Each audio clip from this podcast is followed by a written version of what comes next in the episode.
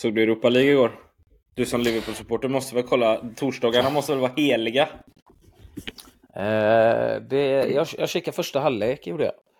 Eh, mm, det var spela träningsmatch igår, så jag kom hem och så körde vi... Eh, kollade Det var inte jag... BK skottfint igår va? Yes, yes. Hur gick det då? Ja, det, det var bra. Jag var imponerad. Det, vi spelade, det var ju första gången vi spelade, eh, som jag var med där, vi spelade 11 manna och som sagt, eh, vi har ju väldigt litet lag, men eh, Skottfint har ju eh, också, de har några stora, men de har också några små, så det kändes som det här Sean var, ty, ja, jag tyckte han var lite hård, nej det är för, det är för låg nivå, men så, det är typ, det är typ två, tre spelare på plan som har en storlek som passar in på den här storleken på plan. Resten är ju liksom jätte, jättesmå. Vi hade det väldigt kämpigt första 10-15, men sen spelade vi och mycket kombinationsspel och några jättefina mål och kombinationer. Så det, eh, det, var roligt och en häftig upplevelse för killarna att få spela på Bravida Arena. Liksom en, en ja, svenska mästarna, regerande mästarnas arena. Ehm, de hade en tuffare kväll i, eh, i Norge. Ja, snygg segway faktiskt. Men ja, såg du matchen? Nej, det gjorde du inte. Eh, nej, den gick väl samtidigt som vi spelade nästan. Den började väl sju, vi spelade halv sju. Så att, eh, ja, nej. Ja, jag vet jag. inte riktigt när ni spelade. Jag kollade faktiskt på matchen. Eh, Okej. Okay. Och det var inget snack, eller? Nej, alltså Häcken försökte väl spela sitt Häcken-lir, liksom. Mm. Eh, men eh, Molde var ju mycket bättre i avgörande lägen egentligen.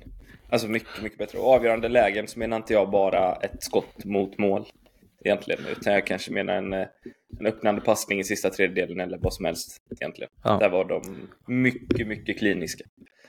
Mycket mer kliniska äh. än vad Häcken ja. var. Ja, det är avgörande. Är du, är du, du kan ju vara okej okay i spelet, men är du, får du inte till i de avgörande lägena i och kring sista tredjedelarna, både framåt och bakåt, så, mm. så, så, så, så, det är det som skiljer de riktigt bra, de bra lagen. Liksom. Jag tror och där, ser du, där kan du se nivåskillnaderna. Ja, det är ju Häcken. Jag älskar ju det sättet. Sen, eh, sen är det ju, eh, har man en förhoppning att Häcken som spelar den fotbollen de gör ska kunna matcha ett av de bästa norska lagen. Men eh, så det, det, det är en liten, eh, liten besvikelse eh, i det. Samtidigt som jag inte har sett matcher, jag kan inte uttala mig så mycket. Men eh, Häcken är ett lag som jag tycker står för en, en modern fotboll och, och, vill göra någonting med bollen och inte hela tiden bara vänta på motståndarnas misstag. Så att, Nej, det var lite, lite synd, men det finns fortfarande en bit kvar att jobba på där och de har ju också haft rätt så mycket eh, Häckens startelva var också över 28 år och, och Moldes var 27, så det var inga unga lag som ställdes på planen igår direkt. Nej. Eh, Sonko gjorde det bra i mm. Häcken. Ruskigt fint. Ja, tycker jag. Och det, Häcken brukar ju släppa upp en del unga spelare på ett bra sätt, men sen har de också tappat, det har varit rotation, det har varit ruljans på deras spelartrupp också, precis som flera andra svenska lag då. Mm. Eh, som också gör det svårt att hitta en kontinuitet och, och hålla en jämn hög nivå såklart. Ja, så är det. Jag hör vad du säger. Ska vi dra igång dagens avsnitt eller? Det är fredag 27 oktober, så det är dagen efter Europa League-spel. Eh, när vi spelar in idag. Det är därför vi var tvungna att, att vädra lite, tror jag. Såg du Liverpool förresten? Det gjorde du? Ja, jag såg eh, lite drygt först, jag såg första halvlek. Eh, Darwin Nunez glödhet. Ja, speciellt när han rundar målvakten. Det har jag sett, fått sett klipp på efteråt. En nya Torres eller? Ja, men lite så. Men det är väl lite grann som jag såg någon artikel där också. Att eh, det var någon artikel om att man inte... Att Klopp troligtvis inte riktigt litar på honom. Han är ju... Alltså han är maskin, stark, fysiskt, jobbar stenhårt, snabb. Eh, men han, när han rundar målet, han har inte den composion att lugna ner sig. Utan han gör allting i hundra. Och då blir det mm. lite stressat och han måste hitta ett mer lugn. Men han är fortfarande hyfsat ung, ung och eh, kommer väl eh, förbättra den biten också.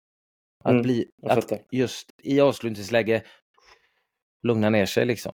För nu, mm, liksom, han, han rund, det är ett världsmål hade det varit. Och han mm. rundar målvakten hur snyggt som helst. Varför ska han skjuta så fort han är förbi liksom? Bara lugn, andas, ta emot mm. den, rulla in den upp ett mål. Nej, vi, vi, hälsar, eh, vi hälsar alla lyssnare varmt välkomna till Skillspodden idag.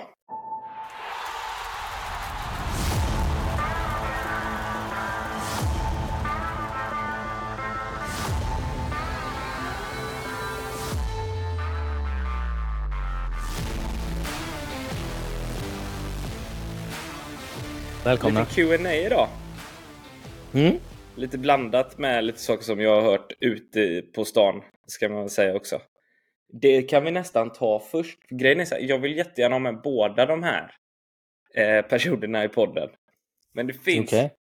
Jag har fått eh, till mig av den ena av de här två faktiskt. Eh, som jag lunchade med häromdagen. Vi pratade lite om svensk utveckling och, och talangutveckling, svensk fotboll överlag och sådär. Eh, och eh, båda de här eh, ska eh, enligt utsago ha lyssnat på podden och kommit in på, på eh, lite ämnen. Där båda egentligen säger att man inte bryr sig om svensk fotboll. Bryr de sig inte om svensk fotboll? Nej. Nähä, varför ska- inte?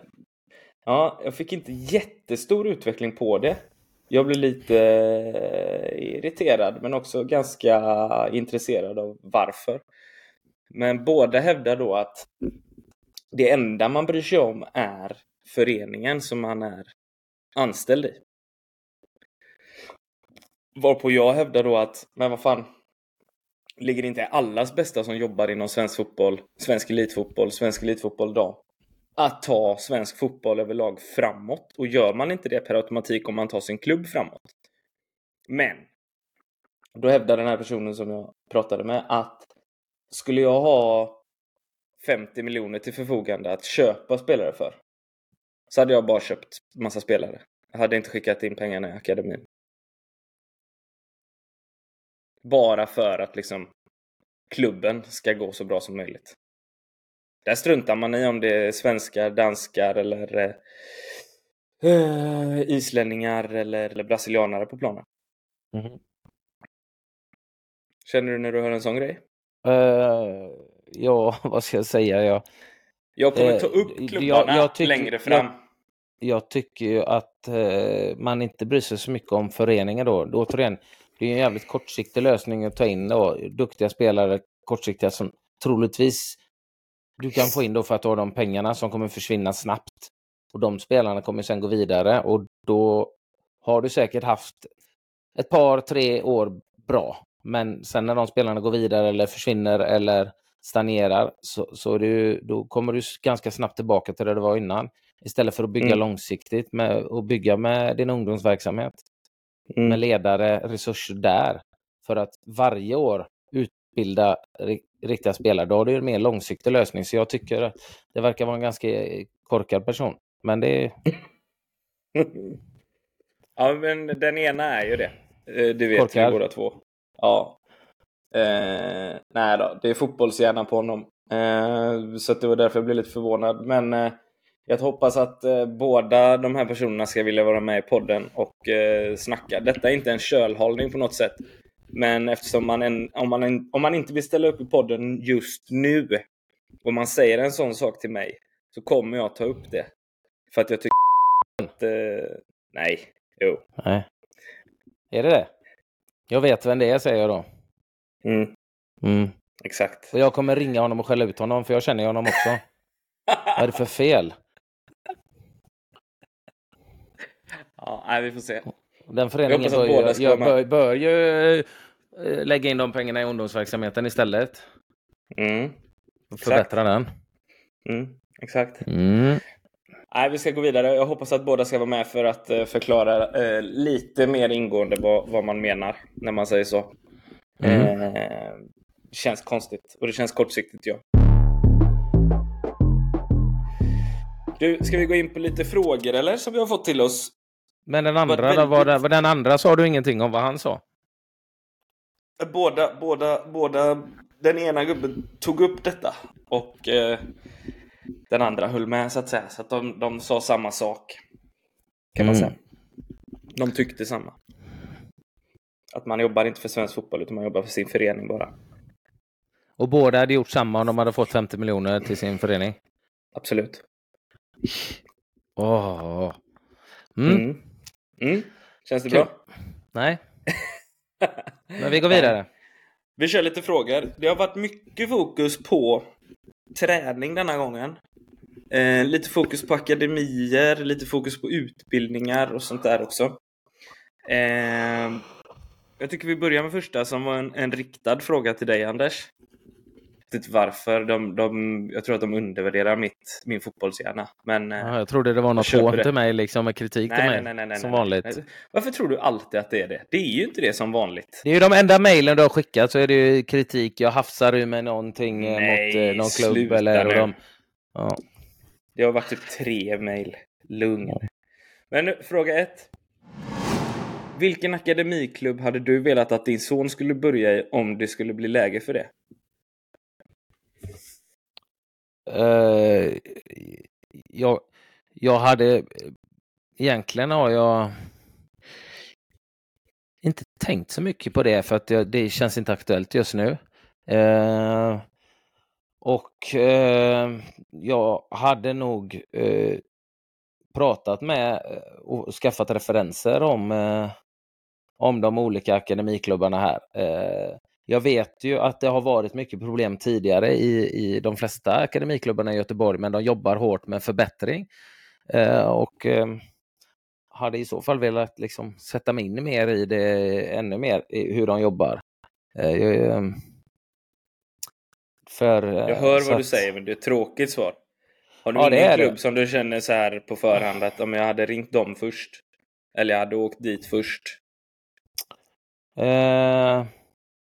Eh, nej, nej, jag har inte det. Jag, jag, är inte, jag, är inte, jag har ingen. Jag, jag, som sagt, jag har varit kritisk mot innan. Jag, och mycket är ju som man har hört, spelare som har farit illa och så vidare. Men jag vet ju också att eh, klubbarna själva vet om problemen de har haft och att de försöker förändra det. tycker jag är det viktiga.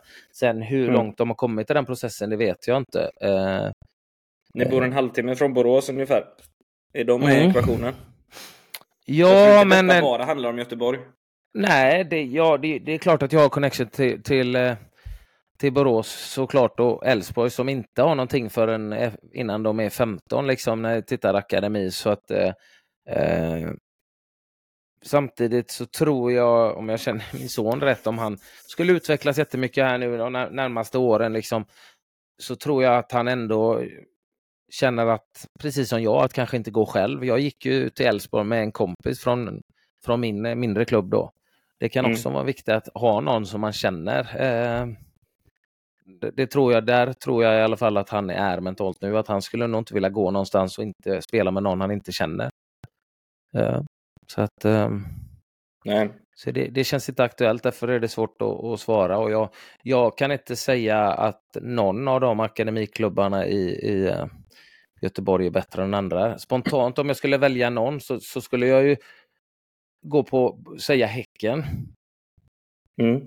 Mer för att jag, det, det verkar som, eh, utan att ha full insikt i hur de jobbar, där har jag ju hört att de kommer sänka, eh, sänka åldern för eh, intag och selektering och sånt där. Eh, och, eh, Jag hörde också det är jag väl inte, eh, inte helt för. Eh, samtidigt som de har varit duktiga på att, att ta upp spelare. Om jag tänker ur min egna synpunkt som tränare med IFK Göteborg som ungdom i, i, eh, i några veckor. Liksom, och där var det ju ingen junior som fick komma upp utan det här var ju Nej, tidigt det var ju på 90-tal. 30-talet. Aha. Nej, tidigt 90-tal var det. Så det, det är ett tag sedan. Men då köpte de ju bara färdiga spelare hela tiden. Så att, så att eh, vi snackar ju över 30 år sedan liksom. Men, Mm. och då valde jag att gå till Elfsborg där de skulle satsa, där juniorlaget skulle bli stommen till det nya A-laget. Och så blev det också. Och då valde jag ju mycket Elfsborg på grund av den anledningen. Mm. Eh, och att vikten av att utveckla spelarna för de ska bära vårt representationslag framöver. Mm. Och den idén gillar jag och där, där eh, känns det väl som kanske spontant att Häcken ligger först i Göteborg. Mm. Jag hoppas att du är nöjd med, med det svaret. Eh, Du kanske har mer insyn om, eh, om ett tag, Anders. Då tar vi upp frågan igen. Det är så, jag, man, jag har ju hört jättemycket och sett tidigare i åren en del strul från vissa av de här akademiklubbarna men eh, jag har också sett en klar förbättring och jag tror det är ett arbete och nu känner jag ju vissa som jobbar i de här klubbarna också och som, som är bra människor som eh, försöker göra ett bra arbete så jag är övertygad om att akademierna i Sverige, i Göteborg framförallt, är på väg åt rätt håll. Mm. Vilket Kul. är kul. Mm, Mm. Det är kul. Eh, next up då. Det är sjukt mycket frågor om övningar. Eh, Och här är det faktiskt en som har skickat in två frågor som är ganska bra faktiskt. Vi, vi måste ta upp båda. Eh, men när kommer det ett avsnitt som bara handlar, som bara avhandlar bra övningar? Och den här kommer Ja, det- jag rycka tag i lite först. Men du och jag har ju pratat om att vi ska släppa ett avsnitt extra i veckan där vi pratar en övning. Vi ska bara hitta ett sätt där du ska rita upp också, för det är fortfarande folk som frågar om tysken som du ännu inte har ritat upp åt mig. Nej, problemet är att jag, jag, den är rätt eh, eh svår övning och man kan göra den i två alternativ med spelare som klarar av den och, och så kan man sänka nivån i den med spelare som kanske inte riktigt är där och klara för att se en progression. Men eh, det är också svårt upp- att fil, filma den. Ja, rita upp den kan jag göra, men eh, jag tänker Ja. att det är lättare med, med film. Ja, men om du ritar upp den så kan jag försöka animera den, helt enkelt. Chef du är alltså. Ja, Då ska bara jag göra det. upp den. Ja, äntligen. Eh, Men eh, för att svara på frågan då. Det här har vi ju pratat lite om och det verkar vara väldigt många som vill ha tips på bra övningar. Mm. Så att vi får väl ta tag i detta, tänker jag. Vi kanske inte hinner ett extra avsnitt i veckan, men eh, Nej, det förhoppningsvis två till fyra i månaden i alla fall. Mm. Där vi går igenom övningar som vi sen kan dela med oss på ett schysst sätt. Tror jag hade varit eh, vettigt. Ehm, vi kan fortsätta lite på, på eh, övningsspåret och träningsspåret tycker jag. Det pratas mycket om att höja intensiteten i övningar. Några tips på hur man gör detta? Ja, men vi har ju pratat om, om det i vissa poddar där och pratat senast idag eh, med en eh, fystränare om det här just att istället för att ha två timmars träning, ju, har jag ju hellre en timme och en kvart, men med högre intensitet. Mm. Eh, intensiteten kan du ju öka genom antingen liksom att du har mindre grupper. Eh, det, det svåra är ju om du har en stor klubb och det är en breddklubb eller en, en klubb och all, det är stor skillnad i nivån på spelarna. Då är det ju väldigt, väldigt svårt att ha en hög intensitet. Och då måste Mm. du nivåanpassa och göra dem i mindre grupper. Jag tycker alla former av smålagsspel eh, Eh, fem mot fem är nästan för mycket för det blir, vill ha högre intensitet för att jobba tre mot tre, fyra mot fyra. Eh, Då Mm. blir det en högre intensitet. Också med snabbt, snabbt tempo, liksom att det är tidsbegränsat innan nästa lag kommer in så att det inte blir att det blir någon avvaktande spel. Eh, tillslagsbegränsningar är ju annat. Eh, Mm. Just för att få, få, få upp intensiteten. Ja, men jag är ju lite... Jag själv är ju inget stort fan av tillslagsbegränsningar. Jag tycker att då drar du ner, då drar du ner eh, beslutsfattandet och inövandet av det egentligen. Eh, tvingas till en touch eller tvingas till två touch i en situation där spelaren kanske hellre fattar beslutet att spela på en touch eller vända i och hålla i. Till exempel. Jag, jag vet inte. Jag älskar det Nej. inte.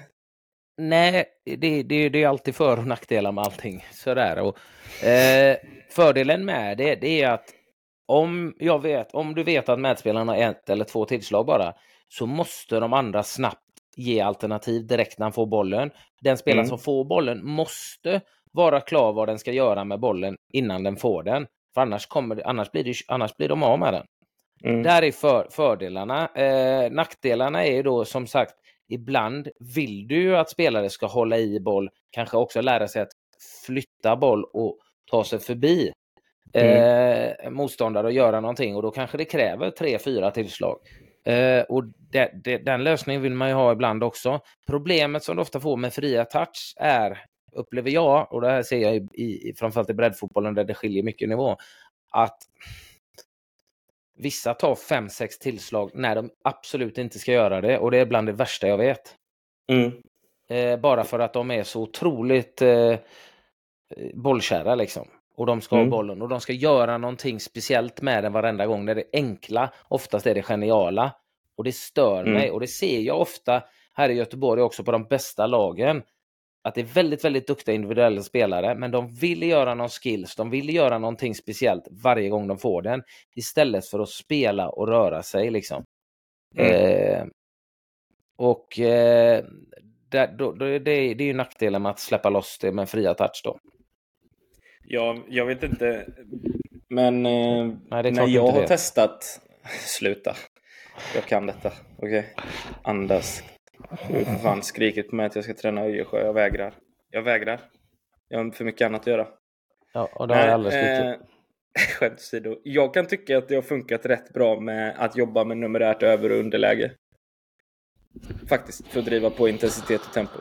Alltså att du jobbar med jokrar i spel till exempel och så skiter du såklart i fasta situationer. Du skiter i inkast, du skiter i hörnor, du skiter i frispark också för den delen. Bara sätt igång en ny boll.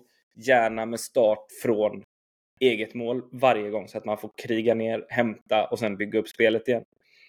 Eh, men där, och där kan man svänga lite tycker jag. Där kan du ha en joker i, i defensivt lag, du kan ha en joker i offensivt lag. Kanske inte lika kul med defensivt lag, men då får du anfalla färre mot fler så att säga. Och det kan också skapa mer rörelse och intensitet. Den tycker jag har funkat bättre än tillslagsbegränsning. Ja, men det är ett alternativ också. Den, den joken som bara är med i försvarande laget, den är rolig, mm. den, den rollen mm. på träningen. Mm. Den får man rotera den? lite. Den är inte svinrolig. Aldrig. Jag hade inte rört den västen alltså. Nej, det är klart. Eh, den är inte lika rolig, men, men den, den är rätt nyttig tycker jag att behöva ibland anfalla mot... Vi, tränar, vi är väldigt duktiga på att anfalla mot färre än vad vi själva är. Mm. Det är vi jävligt duktiga på. Men hur många situationer hamnar du tre mot fyra offensivt? Till exempel. Eller tre mot tre, så att det är helt lika. Mm. Eh, men annars är det väl bara att mana på, egentligen. Mm. Driva upp intensiteten. Spela på, spela på tid kan man också göra.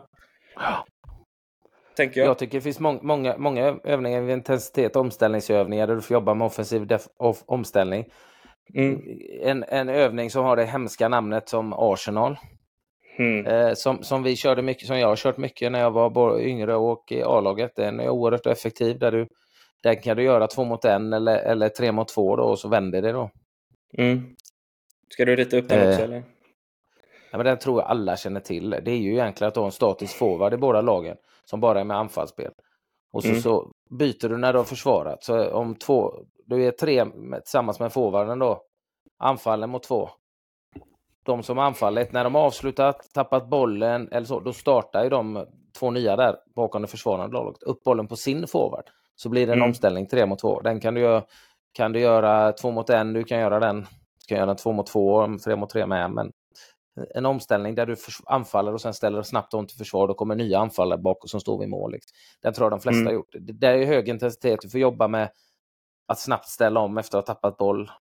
Mm. Och att kunna ställa om snabbt offensivt och defensivt. Det blir också hög intensitet på det.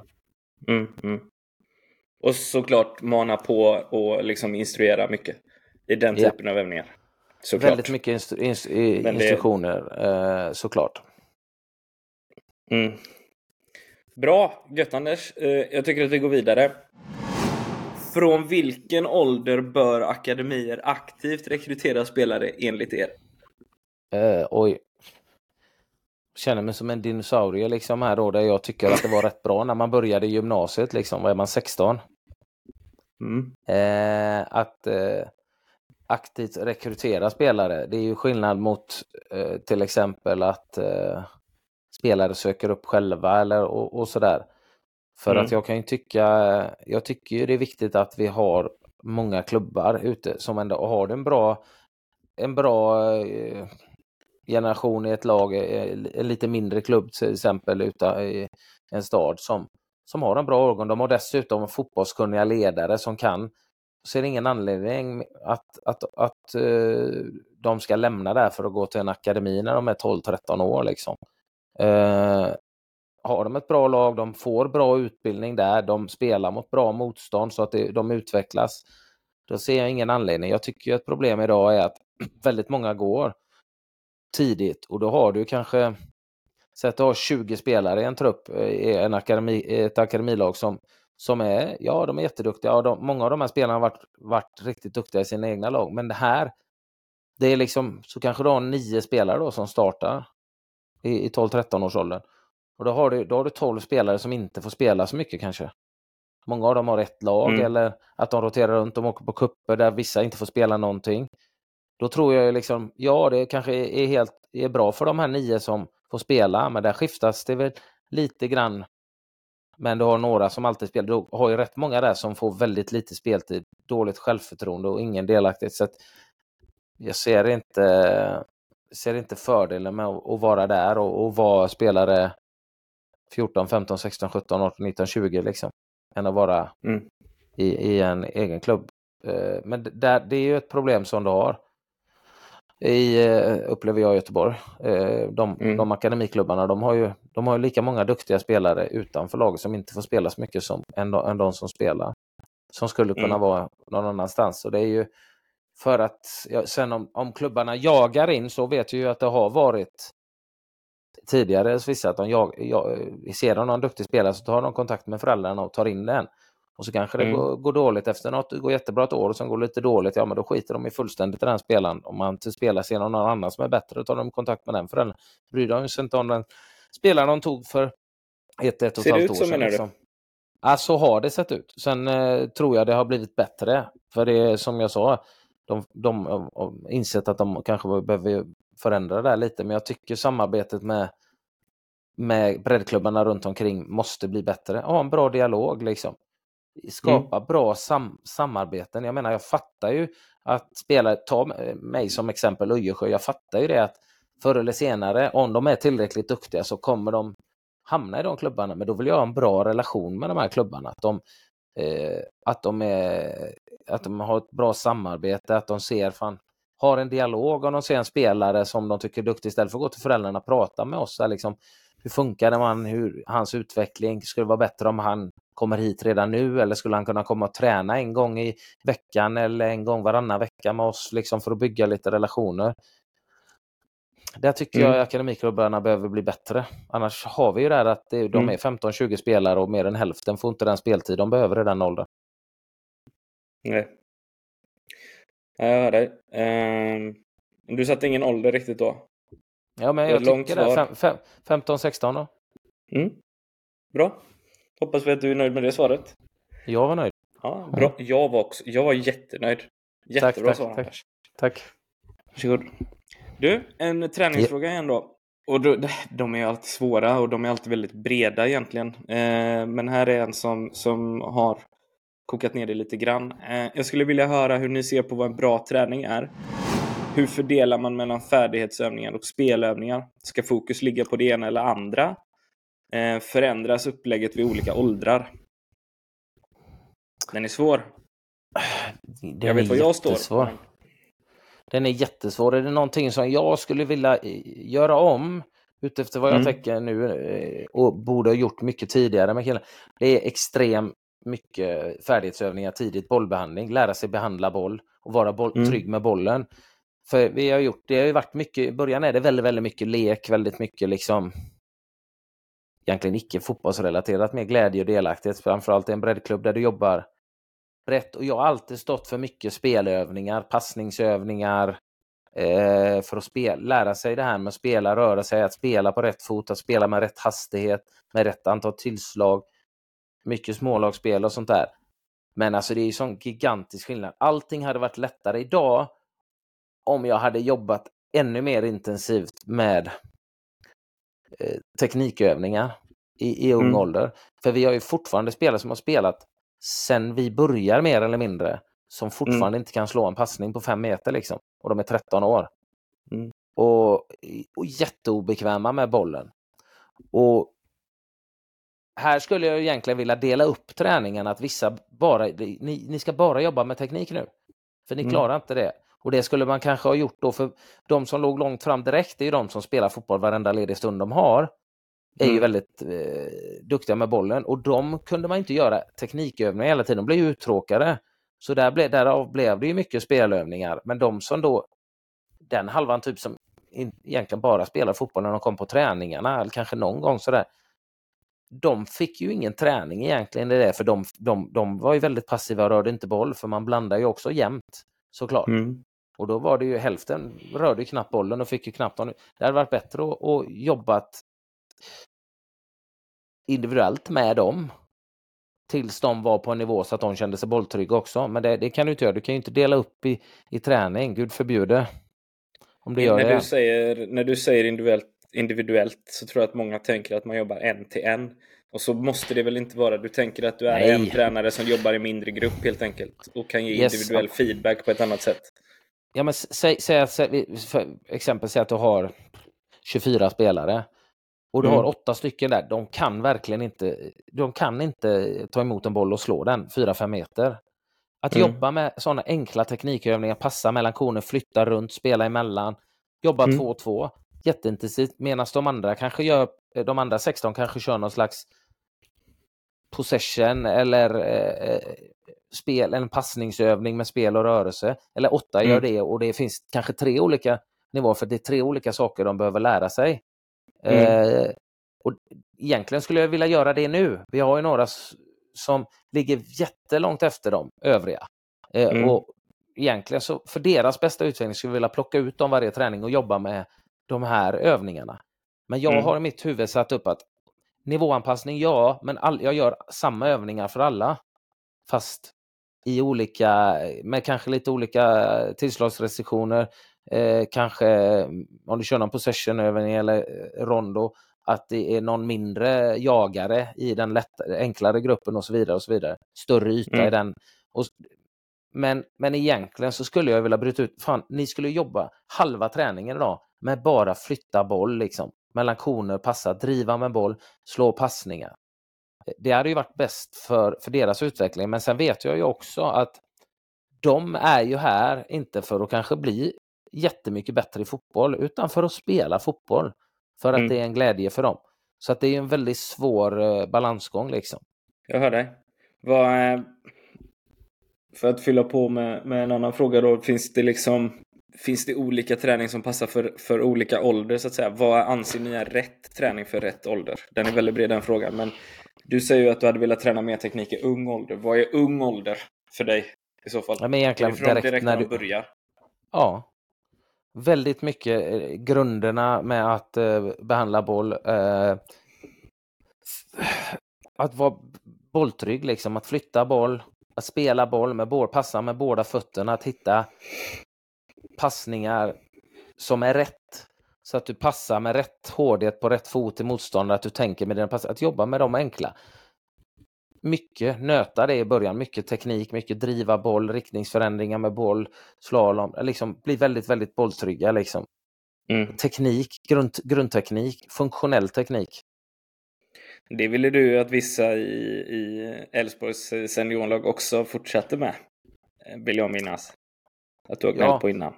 Men nu, nu snackar vi många, många, många år sedan jag, sedan jag spelade, så att, men absolut. Ja, inte nu, men när du spelar. Eh, det, det var ju begränsat, det var ju extremt dålig individuell träning. Den enda extra träning individuellt vi gjorde, det var ju styrketräning eller kondition. Det var ju den Mm. enda individuella träningen vi hade i större delen av min karriär. Mm. Och det var ju många där som behövde passningsteknik, eh, spelförståelse, liksom touch. Mm. Men det, det kräver ju mycket mer instruktioner, mycket mer av ledarna. Det är inte så Mm. svårt att ja, men du ska springa upp och ner mellan de här, de här linjerna. Det kräver inte så jättemycket av tränarna. Nej. Så det är ett enkelt att träna individuellt där. När, eh, när tycker du att man ska börja, börja väga in taktiska, taktisk träning och, och liksom de bitarna också? Är det också tidigt? Nej, det, det, det, alltså det finns ju vissa... Det, det, jag tycker ju inte det är för tidigt liksom med fem, äh, eh, i femmorna och man spelar fem mot fem. Det, det tycker jag inte. Sen när jag började spela sju mot sju till en början, ja då började det komma lite mer taktik, lite mer grunder i de olika positionerna, principer i off, anfall, off, anfallsspel och försvarsspel. Men eh, innan det så, så tycker jag inte så mycket tycker egentligen inte om fasta positioner i fem mot fem heller. Där man spelar med två försvarare och två anfallare. Jag gillar inte det alls. Det Nej. låser deras, eh, hämmar deras utveckling för spelförståelse. Mm. Eh, så det gillar jag inte alls. Eh, men det gör ju 99% av alla tränare. Så att, eh, det är väl säkert jag som har fel. Men eh, vi var det enda laget tror jag som inte spelar med fasta försvarare och anfallare Mm. i 5 mot 5. Och då menar jag fasta, alltså inte att man inte spelar olika, olika gånger, men att vi hade inte två, utan de fyra gick ut och så tar ni Mm. ansvar. Alla ska vara med och anfalla, alla ska vara med och försvara. Mm. Total fotboll 5 mot 5. Du hör ju, underbart. Ja, Nej, men bara för att de ska lära sig att fatta det. När Mm. alla springer framåt samtidigt så blir det helt tomt bakåt och någon blir fri och så åker vi på baklängesmål. Utan Mm. att liksom ställa upp två, för då vet okej nu ska vi bara försvara en stund här. Då blir det ju låst och de lär sig inte. kör du hela havet stormar, liksom alla, alla, då ser du ju någon som tittar, fan nu är det tomt där, så börjar de dra sig ur. Ja, då har de lärt sig hur Mm. fotboll fungerar. Mm. Eh, det hävdar jag. Men eh, sen ska jag tänka, när du går upp 7 mot 7 så då börjar det bli lite att du börjar få lite lagdelar. Hur ska de fungera ihop? Eh, hur ska man kunna börja jobba med att samarbeta? Presstäckning, att jobba tillsammans, flytta över. Kanske mer i, i stor 7 mot 7 och sen 9 mot 9 har det blivit ännu mer taktiskt just Mm. att kunna flytta över, att jobba i olika lagdelar. Återigen, det, Mm. det, är, det är också väldigt, väldigt svårt att, att jobba med i breddföreningar när du har enorm nivåskillnad. Liksom. Du ska jobba Mm. till exempel, om du ska dela upp en grupp och jobba 9 mot 9 Mm. i, eh, som du säger, numerära underlägen eller överlägen. Men har du sån stor nivåskillnad i spelarna så går det ju inte liksom att sparra Ja, där och jobba. Nej, och vissa förstår, förstår, vissa förstår ju inte ens. Liksom. Du kan ju ha en som jobbar med en taktisk övning i våras. Här, där en, en av de offensiva innermittfältarna skulle liksom då ligga i upps- uppspelsfas. Men, men han kom ju helt, stod nästan som ett klistermärke på andra sidan på en annan offensiv innermittfältare. Där man hittar, Mm. Så att det, det, är ju, det, är ju, det, det är ju ett jättes, jättesvårt hur man ska lösa det i, i, i breddfotbollen tycker jag, att jobba med det. Mm. Ehm, återigen handlar det om att nivåanpassa träningar, jobba med lite teori, visa klipp. Kan man filma matcher, om man har den lyxen, så kan det Mm. göra gör det jättemycket. Att kunna förklara visuellt för dem och visa skillnaderna för dem att, eh, i, i det taktiska. Det, där kommer det in mycket av det teoretiska, när, eh, eller taktiska, då blir det mycket teori, teoretiska att filma matcher. Det är det bästa hjälpmedlet, att kunna visuellt visa Mm. vad händer? Vad händer om du flyttar över hit istället? Vad händer? Liksom. Det Mm. tyckte jag. Vi, vi fick ju en sån film från något lag som filmade. Det var jätte, jättenyttigt att sitta och kolla på det och förklara för killarna.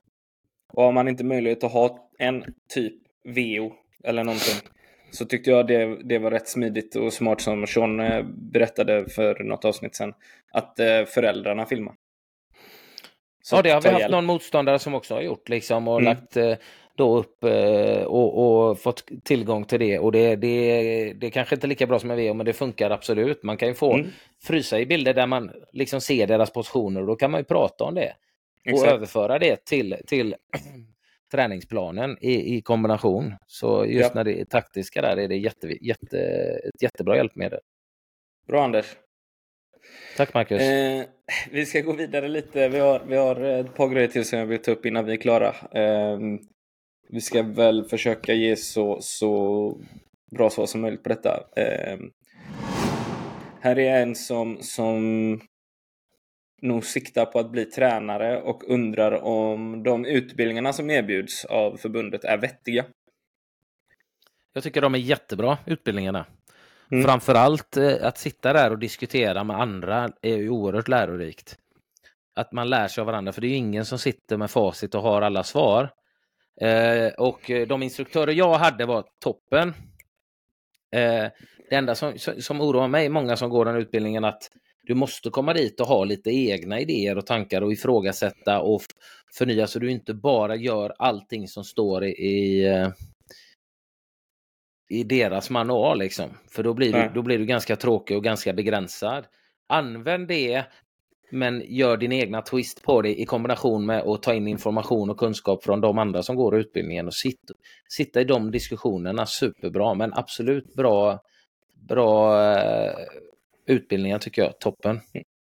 Ja, och har man, eh, har man ambitionen att bli, bli seniortränare på högre nivå så är de väl också nödvändiga. Det är de. Och de är, man ska Mm. inte se dem som något ont, utan jag tyckte det var jättebra och eh, en hel del saker som jag lärde mig framförallt att sitta och bolla med andra tränare och de här instruktörerna är ju jätteduktiga som själva jobbat som ledare.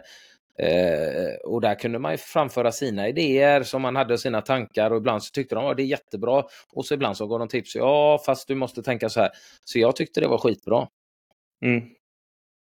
Om vi går vidare lite på, på utbildningarna då. Vi ska ta en sista fråga eh, också. Den kommer från Sebastian som vill vara anonym. Mm. Roligt. Ja.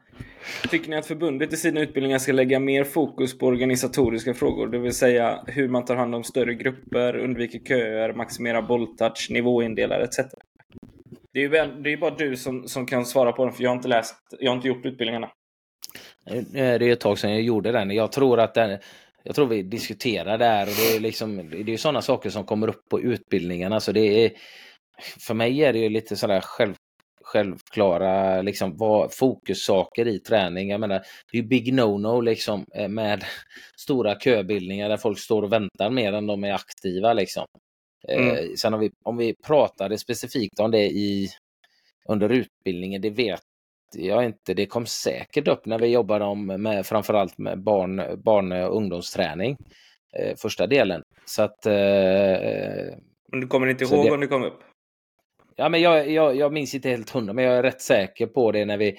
För vi, vi gick ut, men sen fick vi även träna ungdomar då och då var diskussioner liksom i grupper att ha köövningar där många står och väntar liksom mer än de är aktiva. Det är ju liksom... Det, det, det är ju helt fel. Så att eh, det är jag rätt övertygad om att de redan nu pratar eh, rätt tydligt om i förbundet.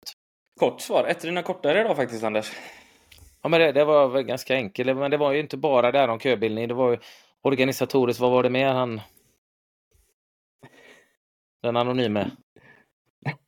Lyssnar du inte? Jo. Hur man tar hand om större grupper, undviker köer, maximerar bolltouch, ja, det... nivåindelar etc. Nivåindelning kände jag det, det var eh, inget som vi tog upp på förbundet. Det tycker jag är viktigt att prata om.